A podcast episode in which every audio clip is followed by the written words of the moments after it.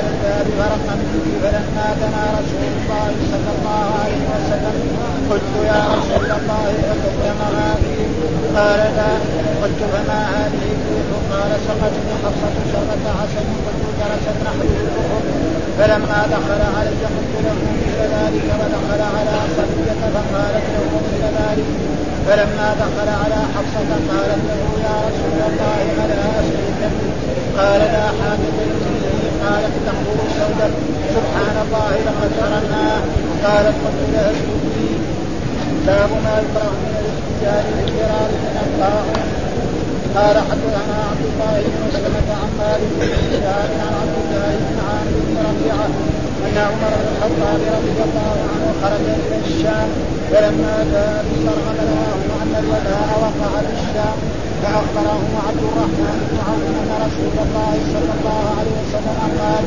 إذا سلموا بأرض فلا تقدموا عليه وإذا وقع بأرض بها فلا تخرجوا فرارا فرجع عمر بن الشرق وعن ابن شهاب عن سالم بن عبد الله أن عمر بن منصر بن عبد الرحمن قال حدثنا أبو اليمان قال حدثنا شعيب عن الزهري قال حدثنا بن سعد بن ابي وقاص انه سمع اسامه بن يحدث يحدث سعدا ان رسول الله صلى الله عليه وسلم ذكر الوجع فقال انه الامم ثم بقي منه بقية فيذهب المرة ويأتي الأخرى من سمع بأرض فلا يحرقن عليه ومن كان بأرض وقع بها فلا يخرج فرارا منه.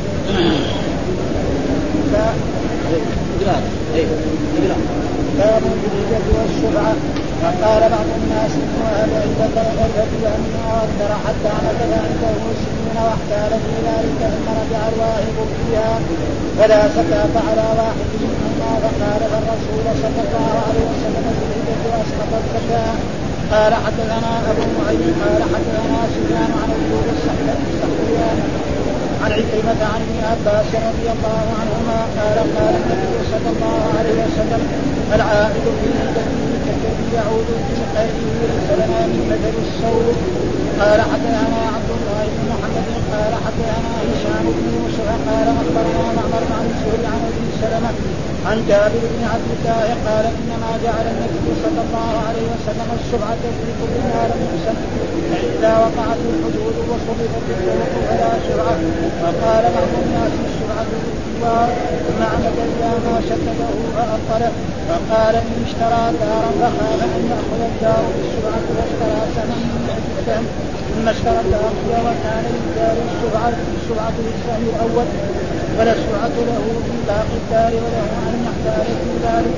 قال حدثنا علي بن عبد الله قال حدثنا سفيان عن إبراهيم بن ميسرة قال سمعت عمرو بن السريج قال جاء المسور بن خلف ووضع يده على مكتوبه فانطلقت معه إلى سعد فقال أبو رافع بالنسبة ألا تأمر هذا أن يشتري مني بيتي؟ أن يشتري بريء داري فقال أزيده على أربعين إما مقطعة وإما منجمة قال أعطيت خمسمائة أعطيت خمسمائة نقدا فمنعته ولولا أني سمعت النبي صلى الله عليه وسلم يقول جاء الحق بصدر صدره ما بعت ما بعته أو قال ما اعطيتكه قلت لسفيان ان معمرا لم يقل هكذا قال لكنه قال لي هكذا وقال بعض الناس اذا اراد ان يبيع السرعه فله ان يحتال حتى يحسن السرعه فيهب البائع للمشتري الدار ويحملها ويدفعها اليه ويعوضه المشتري الف درهم فلا يكون للشريع فيها سرعه قال حدثنا محمد بن يوسف قال حدثنا سفيان عن إبراهيم بن مسرة عن عن ابي رافع أن سعد ساوى معه بيتا بأربعمائة مثقال فقال لولا أني سمعت لولا أني سمعت رسول الله صلى الله عليه وسلم يقول الله احق بالصدقه لما وقال بعض الناس ان اشترى فأراد أن يخبر السرعه وهب فيه الصغير ولا يكون على الجميع. أعوذ بالله من الشيطان الرجيم. بسم الله الرحمن الرحيم. الحمد لله رب العالمين والصلاة والسلام على سيدنا ونبينا محمد وعلى آله وصحبه وسلم أجمعين. يقول باب ما يكره من احتيال المرأة مع الزوج والضرائر آه يعني وهذا كله في إيه؟ في كتاب الأحتيال.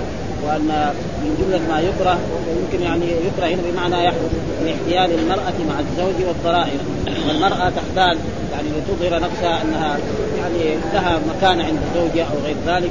وتحتال هي عشان تمنع زوجها كما جاء في هذا الحديث. والحديث هنا يعني وجه الاحتيال الذي قالت عائشة لتحتاله ولو كان كذبا لم يسمى حيلة. ها؟ لا يعني هنا واردنا بذلك التعريف. لا صريح الكذب.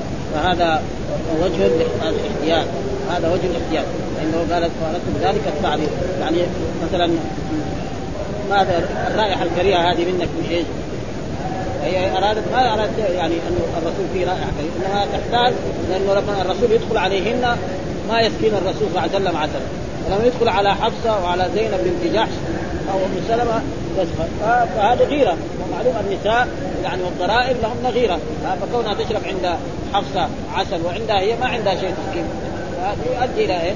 فتحتال هي بهذه الطريقة وذكروا هذا عن طريق الاتهام بدليل جواب يقول لا وأردنا بذلك التعريض لا صريح الكذب. فهذا وجه الاحتيال التي قالت عائشة لنحتالن. ها؟ يقول باب ما يكون اختيار المرأة مع الزوج والضرائر. لأن الرسول عنده تسع زوجات. وكل واحدة لها مكانتها وكل واحدة تحب أن تكون هي عند رسول الله صلى الله عليه وسلم أحسن وأفضل ولها مكانتها. فلذلك حصل هذا. وهذا وما نزل على النبي صلى الله عليه وسلم في ذلك. وهو قول الله تعالى يا أيها النبي لم تحرم ما أحل الله لك تبتغي مرضات أزواجك؟ والله غفور رحيم. وقد حصل خلاف بين الأئمة وبين العلماء الذين فسروا القرآن. هل يعني آه النبي لم تحرم ما أحل الله لك تبتغي هل هو يعني تحريم العسل أو تحريم ماريه فيه خلاف. بعضهم يرى هذا وبعضهم يرى. الظاهر إنه يكون الإثنين. ها؟ يعني لما تحرم ما أحل الله لك تبتغي مرضات ليش تحرم العسل الذي أحله الله لك لاجل لاجل لأجل زوجات؟ أبدا.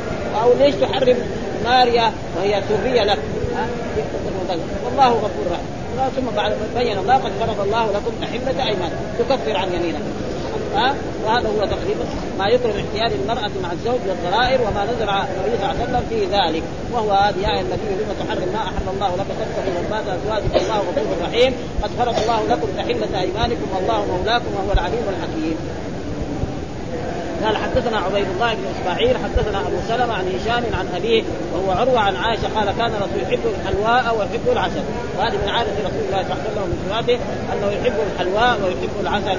وكان إذا صلى العصر أجاز على نسائه. يعني كل واحدة يمر عليها يسألكم كيف صحتكم وإيش حالكم كذا كذا ثم التي عندها النوبة يجلس عندها.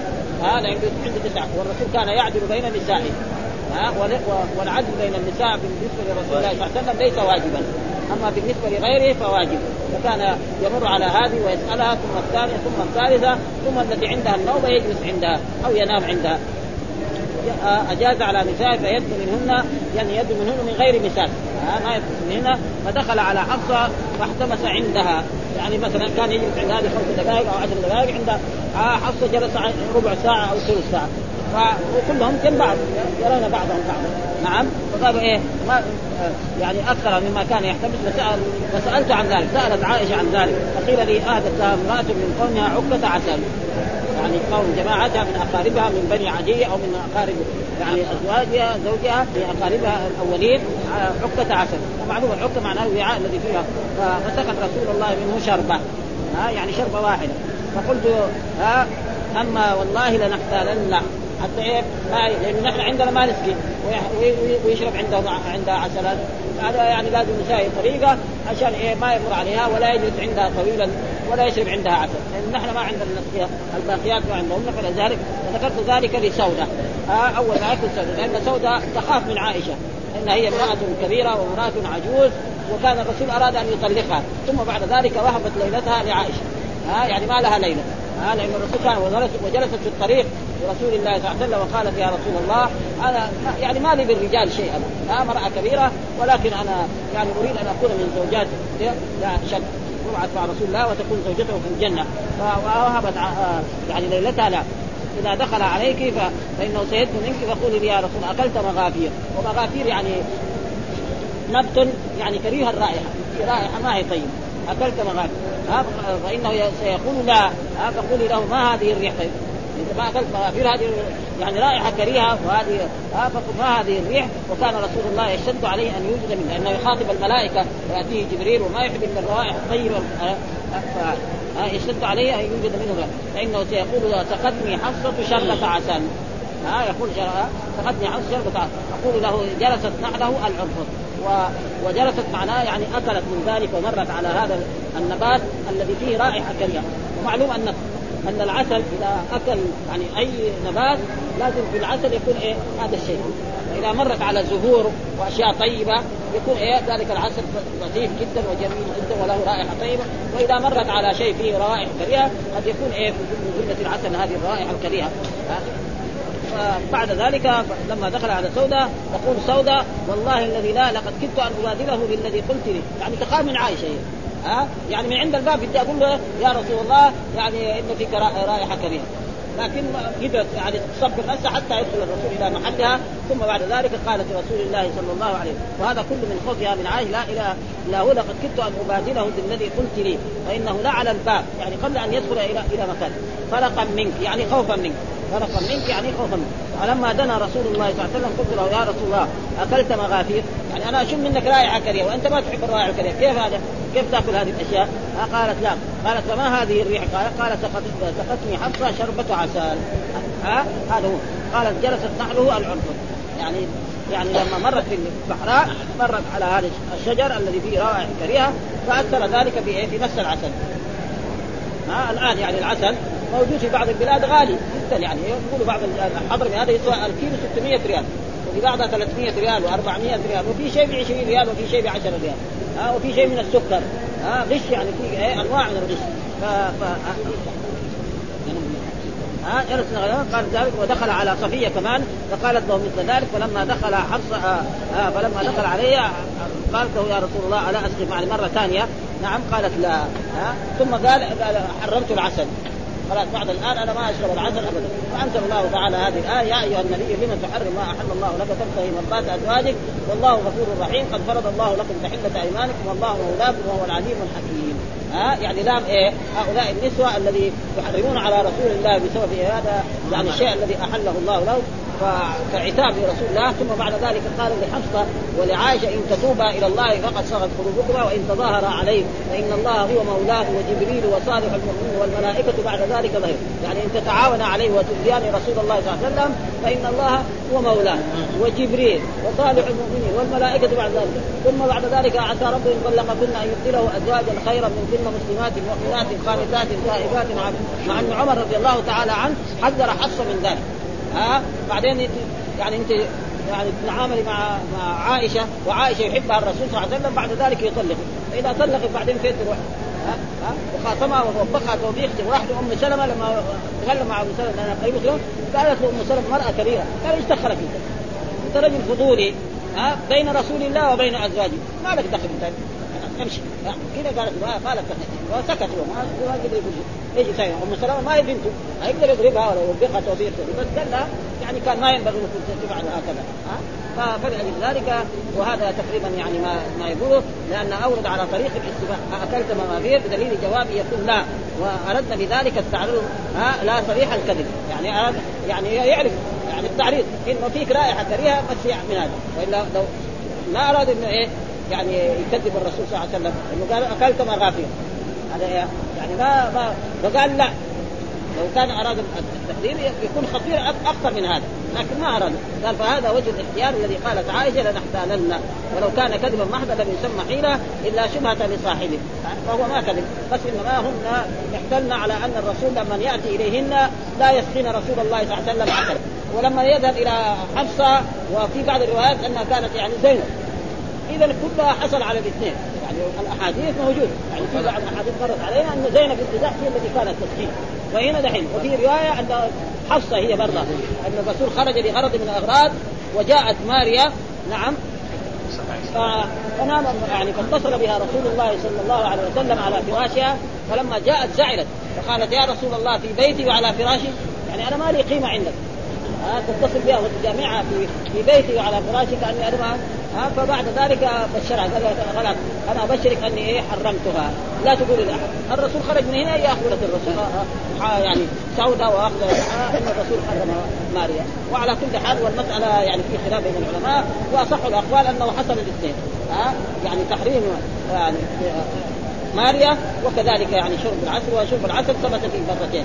ها أن نفسه هنا حفصه وفي أحاديث أن زينب بنت وزينب بنت جحش كانت هي يعني تقريبا كريمة جدا.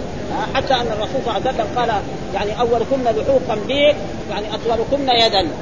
كذا الرسول يعني أول من يموت من أزواج الرسول صلى الله عليه وسلم أطولكن يدا. فنساء الرسول ظنوا اطول كله يعني يشوف قيس يد فلان يد محمد يد. خالد وإذا به إيه هذا تقريب مجال ها لأنها كانت كريمة جدا. ها تطعم المساكين تسمى أم المساكين كانت. فلذلك هذا معناه الاحيان الذي إيه أرادوا فيه إيه في هذا.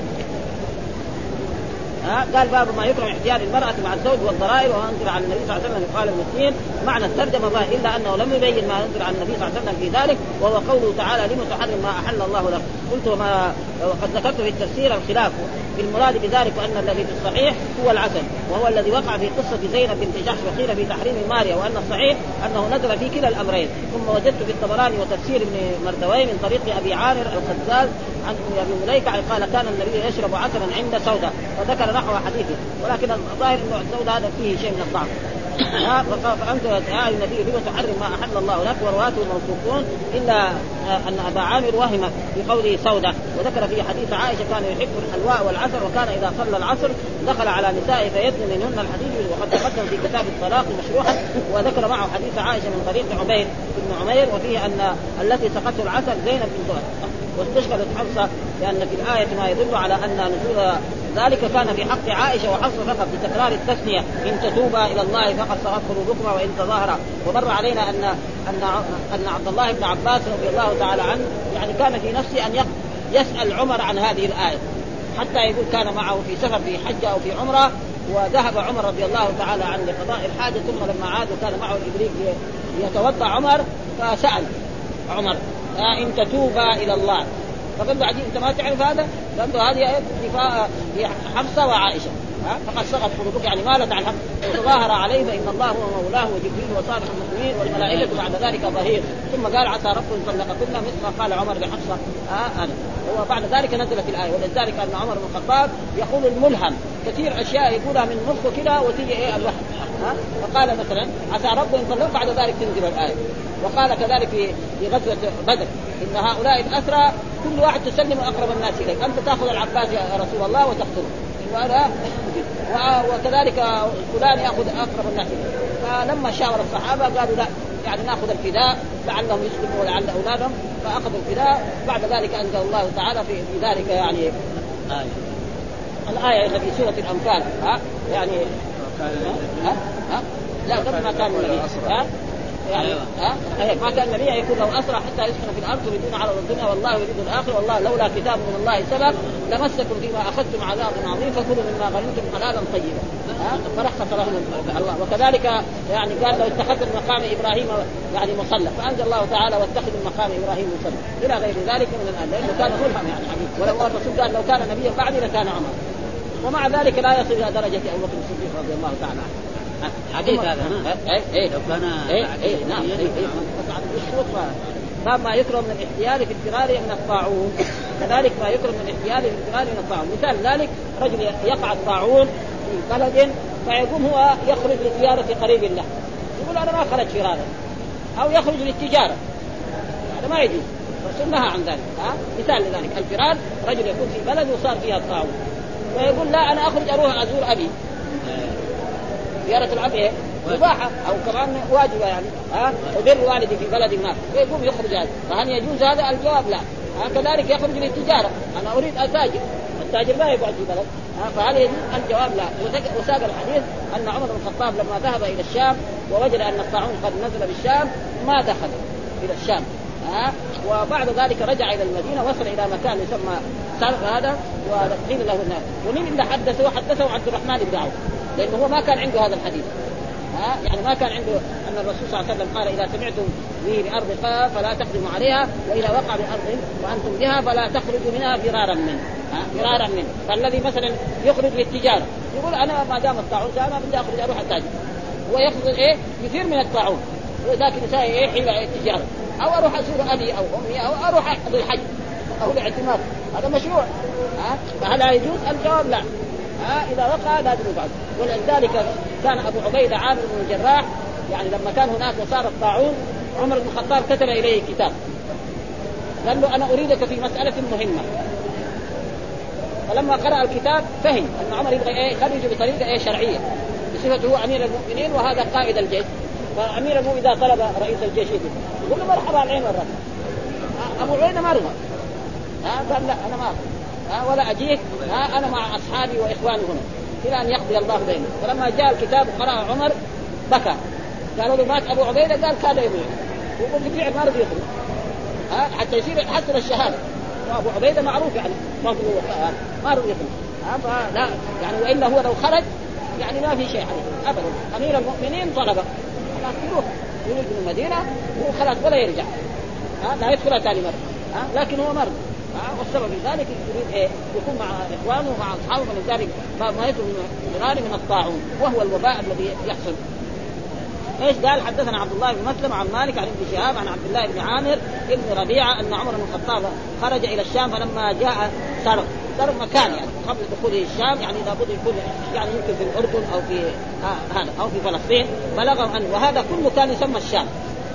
يعني كان كل هذا من تبوك إلى لبنان وآخر إلى البحر الابيض كل هذا اسمه بعدين الاستعمار جاء قسمه إلى أقسام. ها؟ قسم هذا الشام ويعني لبنان والأردن هذا كله من إيه؟ فلسطين. وفلسطين كمان جاب اعلى الناس وجعلهم. قال بعدين نقسم بينكم قسمين. يعني قسم اليهود وقسم إيه؟ هذه فلسطين وإذا به اليهود استولوا على الجميع والفلسطين ما حصلوا ولا شيء. وهذا كله الاستعمار. يعني الكفر ملة واحدة. أبدا سواء كانوا روس أو غربيين أو كلهم واحد. كلهم ضد الإسلام. فأخبره عبد الرحمن بن عوف أن الرسول قال إذا سمعتم بأرض فلا تقدموا عليها وإذا وقع بأرض وأنتم فلا تأخذوا منها فرارا منها فرجع عمر من سر ها؟ وهذا يقول الحافظ يستدل به على أن يعني يؤخذ بقول الاحاد لأنه مين اللي قال هذا الحديث؟ عبد الرحمن بن عوف. في بعض العلماء يقول لا الأحاديث اللي يرويها واحد من الصحابة نحن ما نقبلها. فكأن الإمام البخاري بهذا يرد على العلماء وعلى العلماء الذي يقول نحن ما نأخذ بخبر واحد. ها؟ فان دحين من اللي حدث عمر بهذا؟ عبد الرحمن بن عوف لحاله واحد. خلاص. فيؤخذ بقول الآحاد وهذا هو الحكم الشرعي أن الإنسان إذا كان في أرض وحصل الوباء أو الطاعون فإن كان هو في البلد لا يخرج منه آه وإذا كانت فيها لا يدخل فيها. فحتى قال لعمر بن الخطاب يعني تفر من قضاء الله قال نفر من قضاء الله إلى قضاء الله. كذا قال قالوا ليش أنت؟ قال أنت خرجت من المدينة. عشان تدخل الشام. لأنه قال نحن ما نسلم الشام إلا ياتي أمير المؤمنين. وجاء بنفسه. فانت جاي لغرض إيه مهم. إيش هذا يعني ما فدلهم هذا الدليل. آه الرسول نهانا عن ذلك ونحن لا ندخل. ما دام نهانا رسول الله صلى الله عليه وسلم قال فلا تخرجوا وإذا وقع بأرض وأنتم بها فلا تخرجوا منها فرارا. فرجع عمر من سر ها عاد إلى المدينة ولم يدخل إيه الاشهر وعن ابن شهاب عن سالم بن عبد الله أن عمر إنما انصرف من حديث عبد الرحمن. يعني عاد إلى المدينة ولم يدخل الشام من حديث عبد الرحمن. ها؟ وهو واحد حديث. يعني فهذا دليل على أنه يعني قبول إيه؟ يعني خبر حديث الواحد وخبر الواحد يقبل من إيه؟ من الصحابة. وأي عالم يقول لا أحاديث يقول لك لا نحن ما نقول إلا المتواتر. بعدين إذا ما يقول المتواتر نص نص الأحاديث النبوية. المتواتر ما هو كثير. ها؟ يعني حديث يرويه 10 أنفار 8 أنفار 5 أنفار. مو كثير. ها؟ بعض الأحاديث يعني مثلا حديث إنما الأعمال بالنيات. ما حد رواه من الصحابة إلا عمر بن الخطاب. وهو حديث ما هو سهل وكثير يعني مثل هذا من هذا الحديث؟ ها؟ حتى قال حدثنا أبو اليمان حدثنا شعيب عن الزهري حدثنا عامر بن سعد بن أبي وقاص أنه سمع أسامة بن زيد ها؟ يحدث يحدث سعد بن ذكر الوجع. هنا ذكر وهناك ذكر آه يعني آه آه الوباء. والوجع والوباء والطاعون الفاظ مختلفة. كلها يعني الفاظ مختلفة والمعنى واحد. في بعضها أمراض وفي بعضها وباء. وأما الوباء فجاء في أحاديث أنه مثلا لا يدخل المدينة ولا مكة. ها الطاعون والوباء ومثل هذا. وبعض الأمراض دحين يسموها وباء ويسموها زي الكوليرا وأشياء يعني والجدري وغير ذلك. ولكن هذه كلها تسمى يمكن أمراض. ها؟ ذكر الوجع فقال آه رجز أو عذاب. يعني كان الله يصيب به بعض الناس رجز أو عذاب آه عذب به بعض الناس الأمم. ثم بقي منه بقية فيذهب المرة ويأتي الأخرى. يعني مرات يصير الوباء كما تشوف بعض البلاد هذا بيحصل فيها. خصوصا في بعض البلاد يحصل فيها. يصير وباء يموت الناس بكثرة هائلة جدا. ثم بعد ذلك يزول. فمن سمع به بأرض فلا يقدمن عليه. ومن سمع به فلا ومن كان بارض وقع به فلا يخرج فرارا منه. ولأجل ذلك يعني أبو عبيدة عامر بن الجراح أبى أن يخرج لما طلبه عمر بن الخطاب يأتي المدينة لأن له به حاجة فأبى أن يخرج. ثم كتب كتابا إلى عمر إني أنا وإخواني نعم في أمر. ها وأنا سأنتظر ماذا يحصل من هذا الأمر. فلما جاء الكتاب إلى عمر بكى. فقيل له هل مات أبو عبيدة؟ قال لا كاد أن يموت. وبالفعل مات بعد ذلك بمده من الزمن مات أبو عبيدة في طاعون امواس وهذا الطاعون يعني كان حصل اظن في عام 17 من إيه؟ يعني من من هجرة النبي صلى الله عليه وسلم في عهد إيه؟ عمر بن الخطاب رضي الله تعالى عنه. قال ذكر في حديث عبد الله بن عامر أن عمر بن الخطاب خلف ذكر حديث عبد الرحمن في النهي عن الخروج من البلد الذي يقع به الطاعون وعن القدوم على البلد الذي وقع بها وحديث ثاني بن عبد الله يعني ابن عمر إن عمر إنما انصرف من حديث عبد الرحمن بن عوف وحديث عامر بن سعد بن ابي وقاص أنه سمع أسامة بن زيد يحدث سعدا بمعنى حديث عبد الرحمن وفيه زيادة في أوله وقد تقدم كل ذلك مشروحا في كتاب الطب. هذا إنه تقدم لنا كتاب الطب وهذا من الطب النبوي. ووقع في حديث أسامة هنا الوجع بدل الطاعون وقوله فيذهب المره ويأتي الأخرى يتصور التحيز في الفرار من الطاعون بأن يخرج في تجارة أو لزيارة مثلا وهو ينوي بذلك الفرار من الطاعون. واستدل من في بعض أن الصحابة كانوا يقدمون يقدمون خبر الواحد على القياس لأن من تفقهوا اتفقوا على الرجوع اعتمادا على خبر عبد الرحمن بن عوف بعد أن ركبوا المشقة في المسير من المدينة إلى الشام ثم رجعوا ولم يدخلوا لأنه كان عمر مو وحده معاه جماعة. من ذلك أنه يؤخذ بخبر الواحد اذا كان ثم ذكر باب في الهبة والشفعة. الهبة هو أن يهب شخص ما شيئا من المال أو شيئا من الحيوان أو شيئا من الدور أو غير ذلك فهذا يسمى هبة. والهبة يعني إذا استلمها الموهوب استحقها وأما إذا وهب وما استلمها يمكن يرجع فيها. كذا يقرر العلماء. والشفعة أن يشترك أشخاص في أرض ما لم تقسم آه فواحد منهم يريد أن يبيع فلا يبيع حتى يقول لشركاء أنا أريد أن أبيع فاشتروا حصتي. فإذا باع ولم يعلمهم لهم أن يشتروا حصه غصب عنه من هذا. هذا معنى الشهوة وهذه كلها أبواب تقدمت لنا كان زمان ولكن هنا بس إيه في التحير في إيه في الهبه وذكر آه الكلام الذي ذكره يعني بعض العلماء. وقال بعض الناس ويريد بعض الناس العلماء. آه من هم العلماء؟ علماء أهل الرأي. آه وعلماء أهل الكوفة الذي ينتسبون إلى مذهب الإمام أبي حنيفة رحمه الله تعالى. فيقول بعض الناس يعني ليحتال عشان ما يجب عليه الزكاة ويرجع في الهبه فلذلك أراد يرد بهذه الترجمة ياتي باحاديث أن الإنسان إذا وهب إنسان ما يجوز يرجع. ليه؟ لأن الرسول قال العائد في هبتي كالكلب يقين هذا هذا هذا محل الاستدلال. يعني واحد يهب إنسان ثم يقول له لا أنا بطلت أديني حقي. هذا إيه؟ الرسول شبهه بالكلب. ها؟ والكلب إيه؟ والكلب ما هو مسؤول. ما هو مكلف. ها؟ يقي وياكل خير ونهي عليه. ما له دخل لكن هذا إيه؟ للتشريع عليه والابتعاد عن هذا. يعني الإنسان ما يصرف بالكلب. يهب إنسان هبة ثم بعد ما يهبها بعد يقول له لا أنا. ثم يهبها تقعد عنده مدة من الزمن. ثم يقول لا أنا بطلت مدة لي ثم استدلوا بهذا على أنه إيه؟ يعني تسقط الزكاة. مثلا الرجل يهب إنسان 1000 ريال أو 2000 ريال أو أقل أو أكثر يقول له هذه ال 2000 ريال خذها ثم بعد سنة يقول له لا أنا بطلت الهبه جيب ال 2000 ريال يقول بإيه؟ هذا اللي قاله. يقول لا تجب عليه الزكاه لا تجب على لا على الواهب ولا على الموهب. هذا إيه ما هو صحيح ها؟ الواهب كذا إيه؟ إذا جاء حول لا بيخرج. والواهب إذا رجعت إليه ما كيف هذا؟ ها؟ فهذا يخالف ذلك. ولذلك أول شيء حديث ذكروا العائد في هبته كالكلب يقي ثم يأكل الخير وإلا الكلب ما لنا شغل فيه. ياكل خير ما ياكل لأنه مو مكلف. الأحكام الشرعية كلها إلا في القرآن وفي السنة موجهة إلى من؟ إلى المكلفين. ها؟ بني آدم. هذول هم المكلفين. وأما الكلب ما له شغل يأكل ولا يفعل أي شيء نعم. ها؟ قال بعض الناس يعني بعض العلماء. ها؟ ومنهم العلماء هذول علماء الكوفة وعلماء أهل الرأي. ها؟ إن وهب هبة ألف درهم أو أكثر. ها؟ حتى مكث عنده سنين. يعني مكث محمد لخالد مبلغ من المال واحتال في ذلك. بعد ذلك احتال ثم رجع الواهب فيها. ثم بعد ما وهبها وقعدت عنده سنة أو سنتين أو أشهر قال لا أنا بطلت يا أخي. ما بجيب الفلوس حقتي بطلت من الهبة الذي إيه؟ ها. فلا زكاة على واحد منهما. لا على الواهب ولا على الموهوب ها لا على الواهب ولا على الموهوب ها فخالف الرسول صلى في الهبة وأسقط الزكاة. ها؟ الرسول قال العائد في هبته فالكلب يقين وهذا بعد ما وهب يعني. وأسقط الزكاة، الزكاة إذا حال الحول إيش؟ يجب عليه. لأن الزكاة لها شروط. ها؟ بلوغ النصاب وأن يكون مسلما وأن يحول عليه. بس. الزكاة لها ثلاثة شروط. بس. ما هو زي الأحكام الشرعية الثانية؟ الأحكام الشرعية الثانية مثلا الحج. ها؟ يجب على المسلم البالغ العاقل الحر المستقيم. الزكاة لها ثلاثة شروط بس. مسلم وأن يكون يعني عنده نصاب وأن يبلغ الحول يحول الحول ثلاثة ها؟ ما في إيه. وإن كان بعض برضه هم الحنفية يروا أن إيه الصغير والمجنون لا زكاة عليه. يعني من قواعدهم الذي يخالف فيها نصوص المذاهب الأخرى أن المجنون ما عليه لأنه ما هو مطالب. ها؟ ثم كذلك في هذا الباب يعني ما يكون إيه ما عندهم.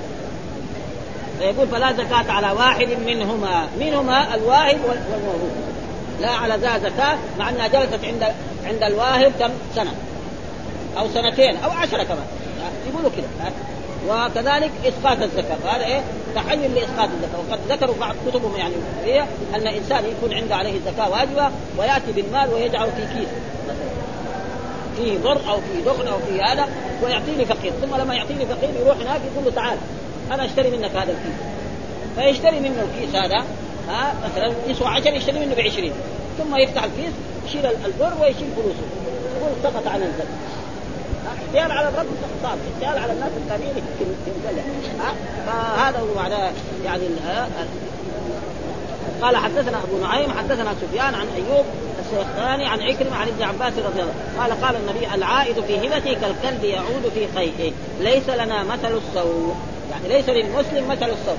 الكلب يقي ويأكل قيئا فلا يجوز الإنسان يهب هبة ويعطي إلا إذا وهب إيه؟ الوالد لولده فله أن يرجع في هبته بس. إذا وهب الواهب لولده فله أن يرجع كما حصل في ذلك أن يعني الصحابي الذي وهب آه، ولده يعني عبدا أو بستانا ثم أرادت الأم لأنه عشان تثبت هذا قال أنا لا أقبل حتى يشهد رسول الله. فلما أتى رسول الله قال يعني قال هل وهبت ولدك كلهم كذلك؟ قال لا إنما وهبت هذا. ها؟ قال لا. ها؟ وهل تحبهم ان ان أن يبروك كلهم؟ قال نعم. قال إذا أعدلوا بين ابنائكم أولادكم. ها؟ لا تفضل احدا على حتى أن بعضهم يرى أن الهبة آه الهبة يعني ما هو زي الميراث. إذا عنده أولاد بنات وذكور يهب الذكر مثل ما يهب الأنثى. هذا وهب عشرة يهب الثاني عشرة. والثالث هكذا عشرة وهكذا يعني. وقد حصل مرة من المرات آه، الشيخ عبد الله الزاحم خطب خطبة في الجمعة وذكر أن الهبة هذه يعني كالميراث وشوش علي أنا تقريبا حقيقة. وأنا لا أعرف هذا. وبعد ذلك راجعنا بعض النصوص على هذا وجدنا إنه إيه تقريبا هو مذهب الإمام أحمد هكذا. ترى وإلا مذهب المحدثين والأحاديث ترى أن الهبة لازم تكون إيه للذكور والإناث. فإذا رجل وعنده بنات وعنده أولاد وهب البنت عشرة يهب الولد عشرة. آه. بخلاف الميراث فإن الميراث الذكر مثل حظ الأنثيين. وعلى كل حال يعني آه في يعني قول في المذهب ما اعطينا يعني عادي هذا الموضوع عليه. ها وإلا هو مره لما خطبها حديث شبش علينا جدا. في هذه السنة أو السنة الماضية. ها؟ فقال الرسول في الهبه واسقط الزكاة. هذا وقال العائل في هبته كالكلب يعود في قيه ليس لنا مثل الصوت فهذا الحديث اذا يرد إيه؟ يرد على الإنسان يهب الإنسان ويعود في هبته حديث البخاري وفي كل كتب السنة موجود. هذا فإذا احتياط مثل هذا لا ينبغي للمسلم أن يفعل مثل ذلك. وهو عشان يعني عارف المذهب الحنفي وعارف الكلام وعارف الحديث لذلك يرد عليهم ثم كذلك يتأدب معهم. ما يقول قال فلان ما قال أبو حنيفة أو قال أبو يوسف أو قال محمد الحسن. ما يعني أدب ها؟ أدب علمي. وهذه عادة الرسول صلى الله عليه وسلم، الرسول قال إذا حصل خلاف واحد من الصحابة خالف الرسول في شيء ما يقول ما بال محمد بال بال خالد، يقول ما بال أقوام يشترطون شروطا ها؟ كل شرط ليس في كتاب الله فهو باطل، فإن كان 100 شرط دغري صاحبه يعني. وكذلك مثل ما قال في الحديث ها إنما الولاء لمن أعتق. لما أرادت عائشة أن تشتري بريرة وتعتقها ها قالوا لا أهلها الولاء يكون له. فقال لها الرسول اشتريها ها واشترطي عليهم هذا الولاء ثم الرسول رقى المنبر وقال إنما الولاء لمن أعتق. الولاء لمن إيه؟ اعطى الفلوس وهذا كذا وهذا كذلك يعني هذا واجب. ولا يجوز للعلماء ولا لانسان يجي مثلا بعض الناس يعني يعني في الوعظ والإرشاد يساوي كذا. يقول ما بال فلان؟ محمد ولا خالد ولا بكر ولا محمود ولا الأمير الفلاني ولا الوزير الفلاني لا هذا ما ينبغي. لأنه هذا يؤدي إلى إيه؟ إلى خصومات وإلى شقاق. آه هذا آه يعني مثل بعض بعض البلاد يفعل هذا. فإذا بعد ذلك أصر وهو عنده قوة فبعد ذلك يبين له بإيه؟ أنه مخالف للمسلم ثم ذكر هذا هذا في إيه؟ في الهبه يعني يرد الهبه هذا الحديث الثاني حدثنا عبد الله بن محمد حدثنا هشام بن يوسف أخبرنا معمر عن الزهري عن أبي سلمة عن جابر بن عبد الله قال إنما جعل النبي الشفعه في كل ما لم يقسم. مثلا إنسان لهم أرض ورثوها. أرض كبيرة خمس مخازن أو أربعة أو أرض فيها طابقين أو ثلاثة أو عشرة. هذا وما قسمت إيه؟ لكل واحد. فهذا يكون فيها. فواحد منهم إذا أراد يبيع حصته ما يبيعها حتى يقول له ترى يا إخواني الشركاء أنا بدي أريد أبيع. اشتروها مني؟ فإذا اشتروها مني خلاص. وإذا قال راح باعها ولم يشاورهم ولم يقول لهم. ها فلهم أن يشتروها بالقوة. ها من اللي اشتراها ها فلازم هو أي إنسان عنده أرض وفيه شركاء إخوان له أو أقارب له أو غير ذلك فلا يجوز له أن يبيع حتى يستأذنه. يقول لهم أنا ترى اسمي هذا مثلا قيراط أو قيراطين أو أو متر أو مترين أو عشرة أو غير ذلك أنا أريد أبيعها. هل تشتري أنتم الشركاء؟ فإذا قالوا اشتروا بها قالوا ما اشتروا بعد ذلك يبيعها. ها فلذلك فإذا قسمت بان كان مثلا هذه ارضه محددة أو هذا البيت هذا بيوت هذا بيت لحاله وهذا بيت لحاله وهذا ورثوها أو اشتروها كلها. آه خلاص هذا معناه الشبهه في فإذا وقعت الحدود وصرفت الطرق بان كان هذا طريق إلى البيت معروف فلا شبهة. بعد ذلك وقال بعض الناس برضه يريد إيه؟ بعض العلماء. ها, الشبعه للجوار. ثم عمد إلى ما شدده فأبطله. قال قال الشبعه للجوار. كذا. الحين هذا هذا موجود في الحديث. ها؟ ثم عمد إلى ما شدده فقال وإن اشترى دارا. ها؟ هؤلاء العلماء قالوا وإن اشترى دارا. فخاف أن يأخذ الجار بالشبعه فاشترى سهما من 100 سهم. يعني يروح إيه يعني اشترى دار وخايف بعدين الشريك يروح إيه يساوي شفعه فيروح يشتري إيه واحد 100 100 سهم يشتري سهم واحد. مثلا ارض ثانية آه هذا يشتري مثلا واحد سهم.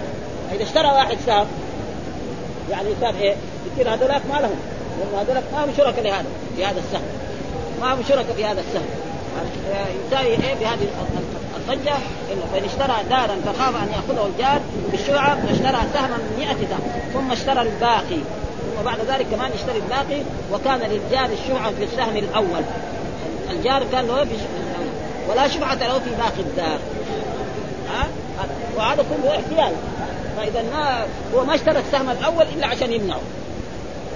ها؟ أو ما يعني اشترى السهم الأول لأجل يمنع جاره أن إيش فلذلك كذلك هذا لا يصح ها في الدار وله أن يحتال في ذلك يعني يشتري أول سهم واحد ثم يشتري الدار فإذا جاء قال أنا أربع اشفاع يقول له لا أنا اشتريت هذه الدار وأنت ما لك شريك أنت لك في واحد. ها؟ وهذا كذلك من, الأشياء الذي إيه والحديث الثاني كذلك مثله. قال حدثنا علي بن عبد الله حدثنا سفيان عن إبراهيم بن ميسر قال سمعت عمرو بن الشريف قال جاء نسر بن مخرمه فوضع يده على منكب نسر بن مخرمه فوضع يده على منكب فانطلقت معه إلى سعد وهو سعد المراد به سعد بن أبي وقاص. فقال أبو رافع للنسور ألا تأمر هذا أن يشتري مني بيتي الذي في داري؟ ها فقال لا أزيده على 400 إما مقطعة وإما منجمة. يعني أنا أنا أشتريه اذا كان لازم بشرط 400 إما منجمة يعني كمان يعني اعطي له هذا الشهر شيء خمسين والشهر الثاني خمسين والشهر الثاني حتى يصير سنة. الخمسين يبقى لها عشر أشهر أو أقل أو أكثر يعني. أو أو مقطعة. يعني مقطعة تكون الدراهم ظاهر مقطعة قال أعطيته 500 أعطوني الناس اللي يبغى يشتروه 500 وأنت تقول ما تعطي إلا 400 هذا موسى ما دام أعطيت 500 لازم أنت تسلم 500 ها دام أعطيت. ها فقال لا. ها 500 ها نقدا. ومنعته. يعني نقدا. كما ما هي منجمة. ولولا اني سمعت يقول الجار أولى بصقبه ها؟ يعني بصقبه يعني ما بعتكه. يعني إيه؟ أن الجار أولى بإيه؟ بالشفعه من إيه؟ من غيره قال أو ما أعطيتكه. وهذا يقول شك من إيه؟ من سفيان. ها يعني واحد هو قال الجار بصقبه أو أو ما أعطيتكه. يعني واحد من الكلمة. قلت لسفيان إن معمر لم يقل هكذا. قال لكنه قال لي هكذا. يعني أنت ما سمعت. الشيخ يتكلم بكلام. أنت شيخك ما سمعت أنا سمعت وهو شيخ سفيان. سفيان بن عيينه ما ما في لازم. ومعلوم هذا في الأحاديث ولا هذا يعني عالم يدرس أو يقول أشياء واحد يحفظ كل الكلام وواحد يحفظ جمل منه وقال بعض الناس كذلك برضه هو المراد بهم هؤلاء إذا اريد إذا أراد أن يبيع الشفعه فله أن يحتال حتى يبطل الشفعه فيهب البائع للمشتري الدار فيهب البائع للمشتري الدار ويحدها البائع للمشتري الدار يهبها ويحدها ويدفعها ويعوضه المشتري ألف درهم. ويعوض المشتري ألف درهم فلا يكون للشفيع فيها شبهة برضو هذا احتياط. ها؟ قال بعض إذا أراد أن يبيع الشبعه فله أن يحتال حتى يوم فيهب البائع للمشتري. بائع يهب إيه؟ للمشتري الدار. اللي يبغى يشتري الدار يهبه كلها ويحجها. يبين له كذا ويدفع إليه ويعوضه المشتري ألف درهم فلا تكون للشفيع فيها شبعه لأنه هو كان إيه؟ صارت ما هي ملك لإيه؟ للشريك حقه الاولاني الشريك الأولاني ما راحت إلى شخص آخر وما له علاقة به. وهذا كله تقريبا من هذه الأشياء يعني فكذلك قال حدثنا محمد بن يوسف حدثنا سفيان عن إبراهيم بن ميسر عن عمرو بن شريد عن أبي رافع أن سعدا ساومه بيتا ب 400 ها مثقال ها فقال لولا أني سمعت يقول الجار أحق بصقله لما اعطيت قال بعض الناس إن اشترى نصيب دار فأراد أن وهب لابنه الصغير. يقوم يهب لابنه الصغير ثم بعد ذلك يسترد لأنه الهبة الإنسان إذا وهب أي شخص ليس له أن يعود فيه. لكن ابن الصغير إذا وهب له أن لأنه أحاديث الرجل الذي وهب ولده غلاما ثم المرأة أرادت أن تثبت هذه فقال في بعض الروايات إني لا أشهد على جور ها على هذا غيري إلى غير ذلك فلذلك يقول يهب ابن الصغير. معلوم إذا وهب ابن الصغير له أن يسترد. ها؟ لأنه أنت ومالك إيه؟ لأبيك. أما يهب محمد خالد مبلغ من المال وبعد يومين أو ثلاثة يقول له أنا بطلت من الهبة أعطيك إلا الهبة التي لإيه؟ للمصالح. مثلا وهب لإيه؟ لملك أو أمير عشان يعطيه أكثر. ها سوى له قصيدة وقدمها له. وما اعطاه ولا ريال يقول له لا بس أنا أعطيتك مثلا سيارة أو فرس وأنت ما أعطيتني بدل. يقول له لا جيب حقي. ها جائز هذا للحكام الناس يهبوا مثلا. يعني معروف أن الدولة العباسية كانوا ناس ابدا. واحد يقدم لهم طبق من ورد أو فل يملون الطبق هذا ذهبا. ها ذهب يملون فإذا أعطى هذا قالوا له ساووا صنع لبلد قالوا له شيء بايع كل شيء. يروح يقول لهم هاتوا حقي. والله ولذلك قال الله تعالى لنبينا محمد ولا تمنن تستكثر يعني لا تعطي عطية ترجو أن تعطى خيرا منها. هذا ممنوع بالنسبة لرسول الله. أما بالنسبة للبشر يعني فالإنسان يقدم هبه لملك أو حاكم ما ويرجو أن يعطى أكثر. فإذا ما اعطى له أن يقول له تعال آه أنا الهبة أنا ما أعطيتك يعني لله. آه أنا أعطيتك لمصالح. العشرة تصير ب 50 فجيب حقي. وله أن يأخذ حقه أما وكذلك إذا وهب الإنسان لولده له أن يرد الهبة التي وهبها لابنه الصغير ولا يكون عليه يمين. ها والمساله يعني تقريبا فيها شيء من الايه نقرا اللي ذكروا الحافظ وقال إن اشترى دارا أي أراد شراءها كاملة فخاف أن يأخذ الجار بالشفعه فاشترى سهما من 100 سهم ثم اشترى الباقي كان للجار الشفعه في السهم الأول بس. ولا شفعة له في باقي الدار. قال ابن بطال أصل هذه المسألة أن رجلا أراد شراء دار فخاف أن يأخذها جاره بالشفعة فسأل أبا حنيفة كيف الحيلة في إسقاط الشفعة فقال له اشتري منها سهما.